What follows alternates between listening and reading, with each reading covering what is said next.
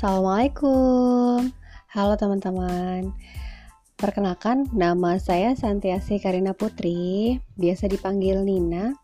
Mungkin teman-teman ada yang bertanya-tanya Siapa sih itu? Nah, izinkan saya untuk kali ini memperkenalkan diri. Nama saya ini dari nama yang dipilih oleh eyang saya Karena menurut beliau nama ini mencerminkan orang yang disayang banyak orang dan uh, rezekinya bagus gitu. Nah, di podcast-podcast berikutnya apa sih yang akan kita lakukan?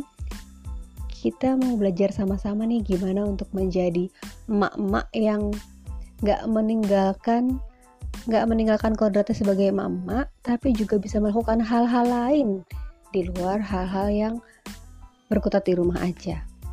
Gitu. Apa aja? Nanti kita belajar bareng ya.